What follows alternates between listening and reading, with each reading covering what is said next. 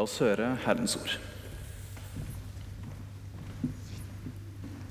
Det står skrevet i evangeliet etter Markus i det syvende kapittel. Siden forlot han Tyresområdet igjen. Han tok veien om Sidon og dro mot Galileasjøen gjennom Dekapolislandet. De førte til ham en mann som var døv og hadde vondt for å tale, og de ba ham legge hendene på ham. Jesus tok ham med seg bort fra mengden. Han stakk fingrene i ørene hans, tok spytt og berørte tungen hans. Så løftet han blikket mot himmelen, sukket og sa til ham, Effata. Det betyr lukk deg opp. Straks ble ørene hans åpnet. Båndet som bandt tungen hans, ble løst, og han snakket rent. Jesus forbød dem å fortelle dette til noen. Men jo mer han forbød det, dess mer gjorde de det kjent. Folk var overveldet og forundret og sa:" Alt han har gjort, er godt. Han får døve til å høre og stumme til å tale. Slik lyder det hellige evangelium.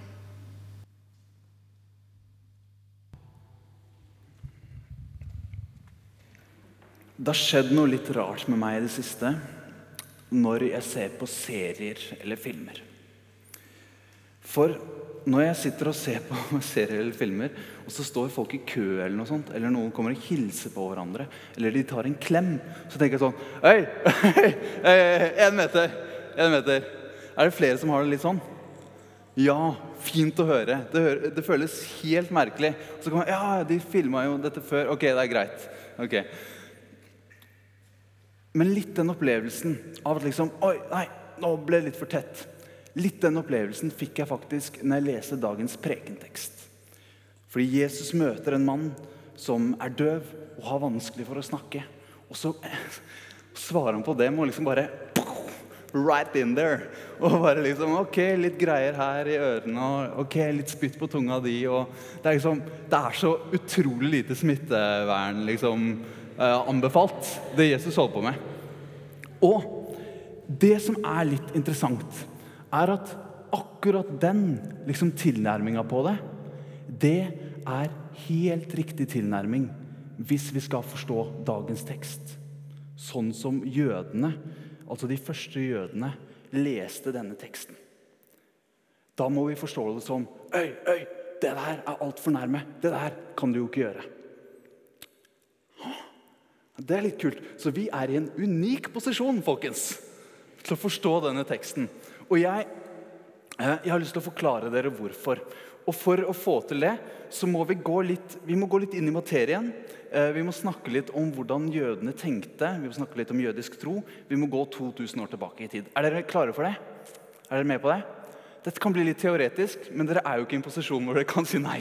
Eh, så vi kjører på. Ok, Vi må starte med tempelet. Um, jødene hadde en tanke at Gud var fullt og helt til stede i tempelet. Dette er tempelet sånn som det var i Jerusalem. Og i det aller helligste, der fant du Gud. Og Der kunne du gå og kommunisere med Gud.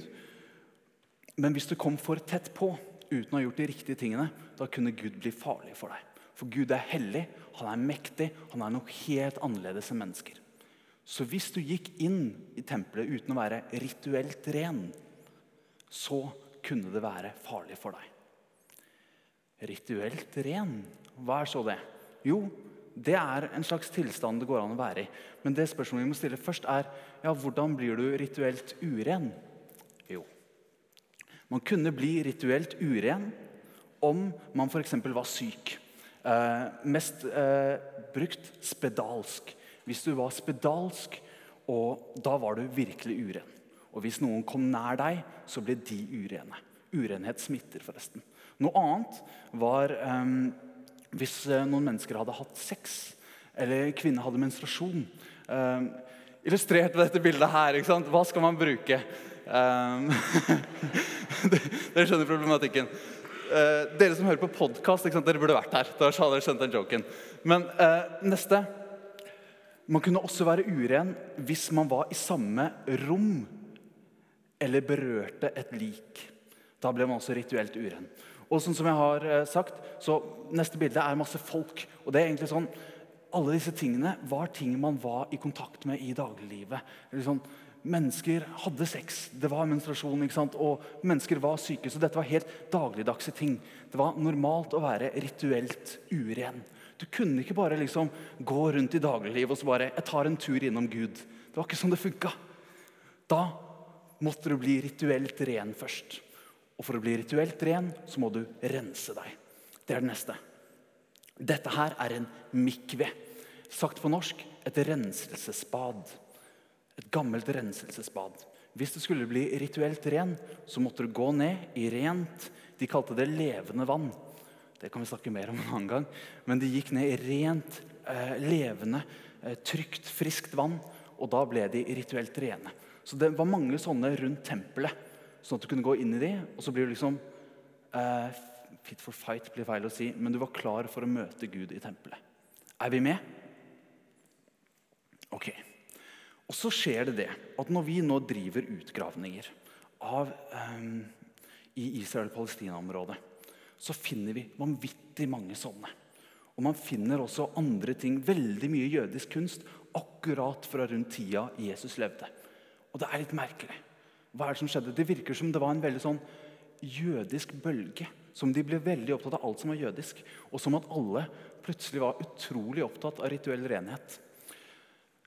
Hvis vi går videre Dette her er Romerriket. Og jødene var okkupert av romerne.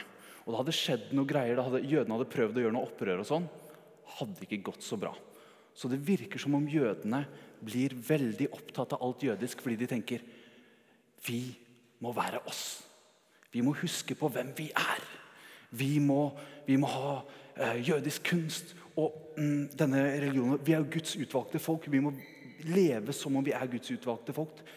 Vi må bli rituelt rene hele tida. Så ut ifra hva vi har funnet ut gjennom arkeologi og skrifter, så beveger denne rituelle renheten seg fra noe som skulle være i tempelet, til at man skulle være det hele tida. Disse mikveene de fins der, men de fins også alle mulige andre plasser som ikke er i tempelet også. Så overalt så ser du mange sånne i dagligdagse hjem, plasser som ikke hadde noe som helst med tempelet å gjøre. Det dette forteller oss, er at en daglig jøde var utrolig opptatt av å leve rituelt rent så mye som mulig. Det betydde ofte renselser, og det betydde at det man ble uren av, det holdt man seg unna. Så de spedalske som allerede var utstøtt, de ble enda mer satt til side. Ikke sant? Man stengte folk inne i hus. ok, Kvinnemenstruasjon, da må du være der. Å ja, dere som er urene, dere må være der. Er vi med? Dette her er bildet som dagens tekst taler inn i. Men det er mer. Markusevangeliet det gjør et stort poeng ut av dette, for det virker som om Jesus gjør et stort poeng ut av det. I kapittel 1, Jeg skal bare gi dere tre historier før vi kommer til dagens. Eh, I kapittel 1, ja, ok, men Dette er veldig spennende. Bare heng med nå. Eh, I kapittel 1, så allerede der så møter Jesus en spedalsk. Og han går rett bort til den spedalske. Og du kan bare se for deg disiplene bare Uren, uren, uren! Hold én meter! Uh, ikke, ikke, gå nær han. Men Jesus går rett inntil og tar på han. Det står, uh, det står liksom spesifikt han tar på han. Og så sier han ikke 'bli frisk', men han, bare for å understreke det sier han 'bli ren'.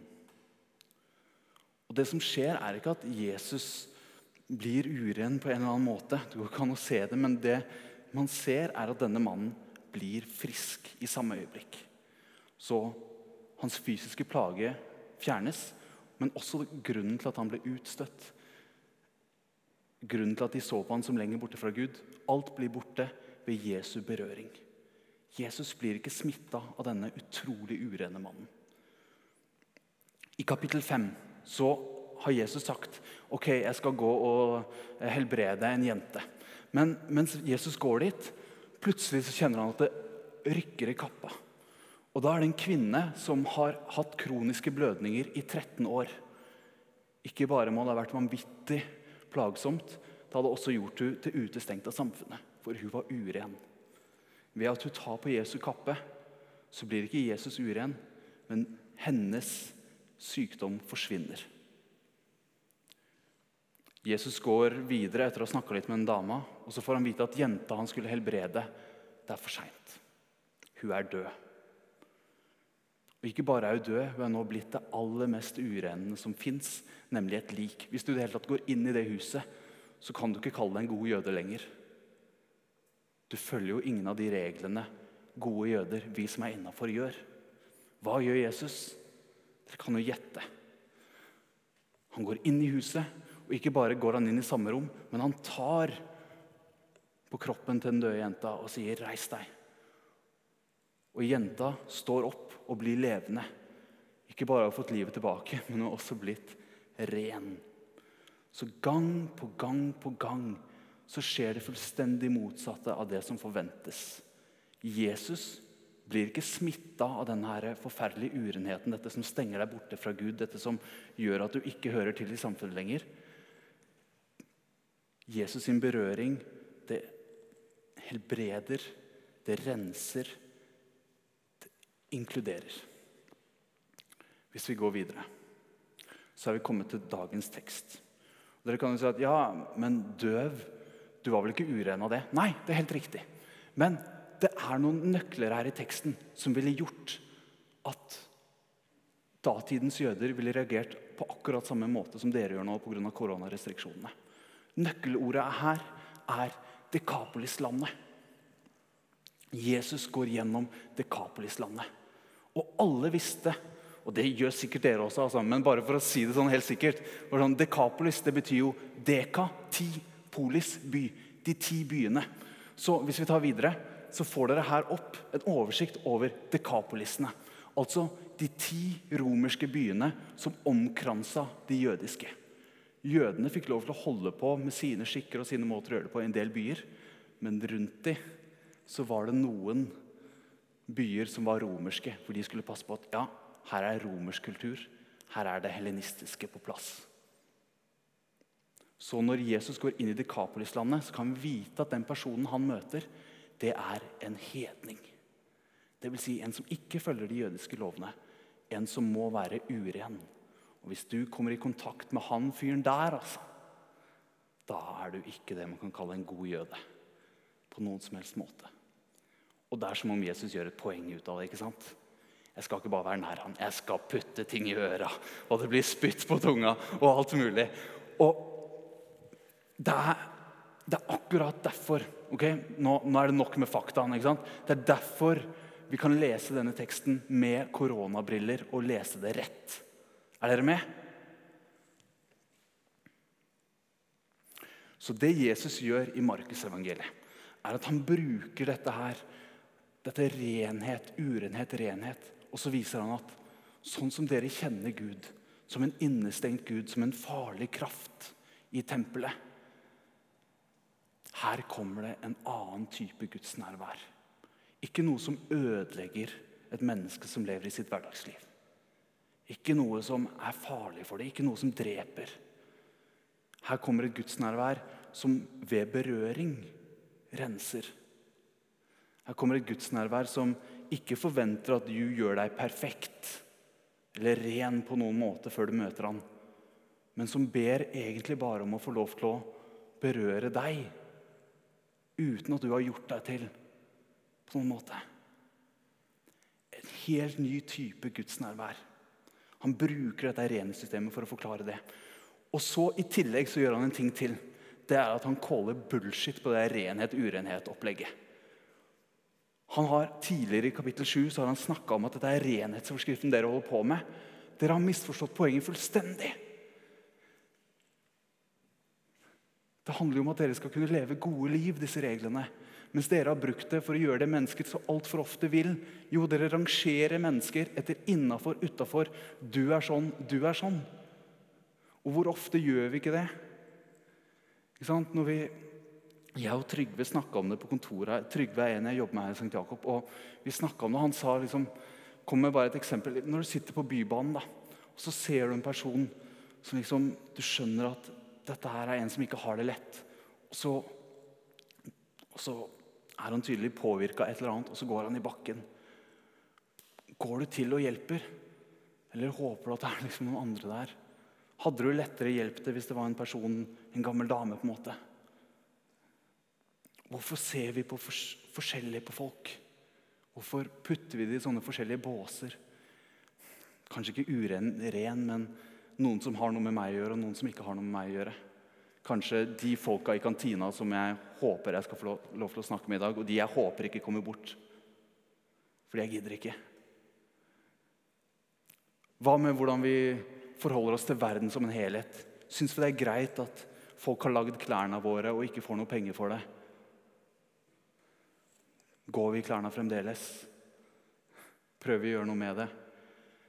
Hva med hvis det hadde skjedd innenfor våre landegrenser at det var 13 000 i en fangeleir? Eller en flyktningleir, eller hva man måtte ønske å kalle det. Ville vi sagt at ja, men vi hjelper 50 av de, Det holder jo, det. Eller sendt et legeteam for de registrerende 12 950. Jeg skjønner at det er en komplisert politisk sak, men det er noe med hvordan ser vi på mennesker. Og Jesus sa dere er alle brødre og søstre. Slutt å rangere hverandre. Slutt å putte hverandre i de forskjellige båsene. Og vi gjør det med oss selv òg. Vi sier at ja, men jeg er jo litt sånn. Og da er jeg på en måte ikke helt god nok til å være med der. Og de der er jo mye mer kule og sånn enn meg. De, de, vil nok helst ikke ha med meg. Vi lager disse skillene. Og Jesus sier at det der rangeringssystemet der, det funker ikke. Og aller verst så blir det når det blir sånn i en kirke. Og Jeg vet at det er en rådende sånn misforståelse at for å gå i kirka så må du liksom tro at du er veldig bra. At det er liksom noe du gjør for å liksom vise hvor ren og plettfri og perfekt du er. Så jeg tror, jeg håper at vi som er her, vet at dette rommet er for det uperfekte. Det handler om å komme med det man har, med det som er sitt liv. Med det som er sin hverdag, og det man ikke er stolt over, og det man skammer seg over. Og sier 'Jesus, kan ikke du berøre dette?' Kan ikke du helbrede mine ører, som virker å ikke høre verdens nød? Kan ikke du hjelpe meg med denne tunga som snakker ondt om meg selv og om andre. For det jeg egentlig vil, er å gjøre godt. Vi tror på en Gud som representerer en annen type gudsnærvær. En som kommer nær ikke fordi du har gjort noe riktig, men fordi han handler. Han ønsker å være nær deg. Og i brød og vinen som vi får ta imot helt gratis, så tror vi at det er en forvandlende kraft. At han kan gjøre noe med oss som gjør at det blir lettere for oss å leve sånn som vi er ment å leve. Kjærlighet til Gud og vår neste. Hvis du går hjem i dag og tenker at han presten sa at det er ikke så viktig med en meters avstand Det var ikke det jeg prøvde å si. Ok? Det er viktig. Holde avstand. Det er den type omsorg vi trenger nå. Men vit at Gud ønsker å være nær deg. Og at dette er et rom hvor Gud kommer nær. Og Gud kommer også nær i hverdagen, i alt som er der ute. I alt som er sånn som du skulle ønske at det var, og sånn som du ikke skulle ønske at det var. Så er han nær, og han smitter sin renhet på deg, om du ønsker det. Ære være Faderen og Sønnen og Den hellige ånd, som er, var og blir en sann Gud fra evighet og til evighet. Amen.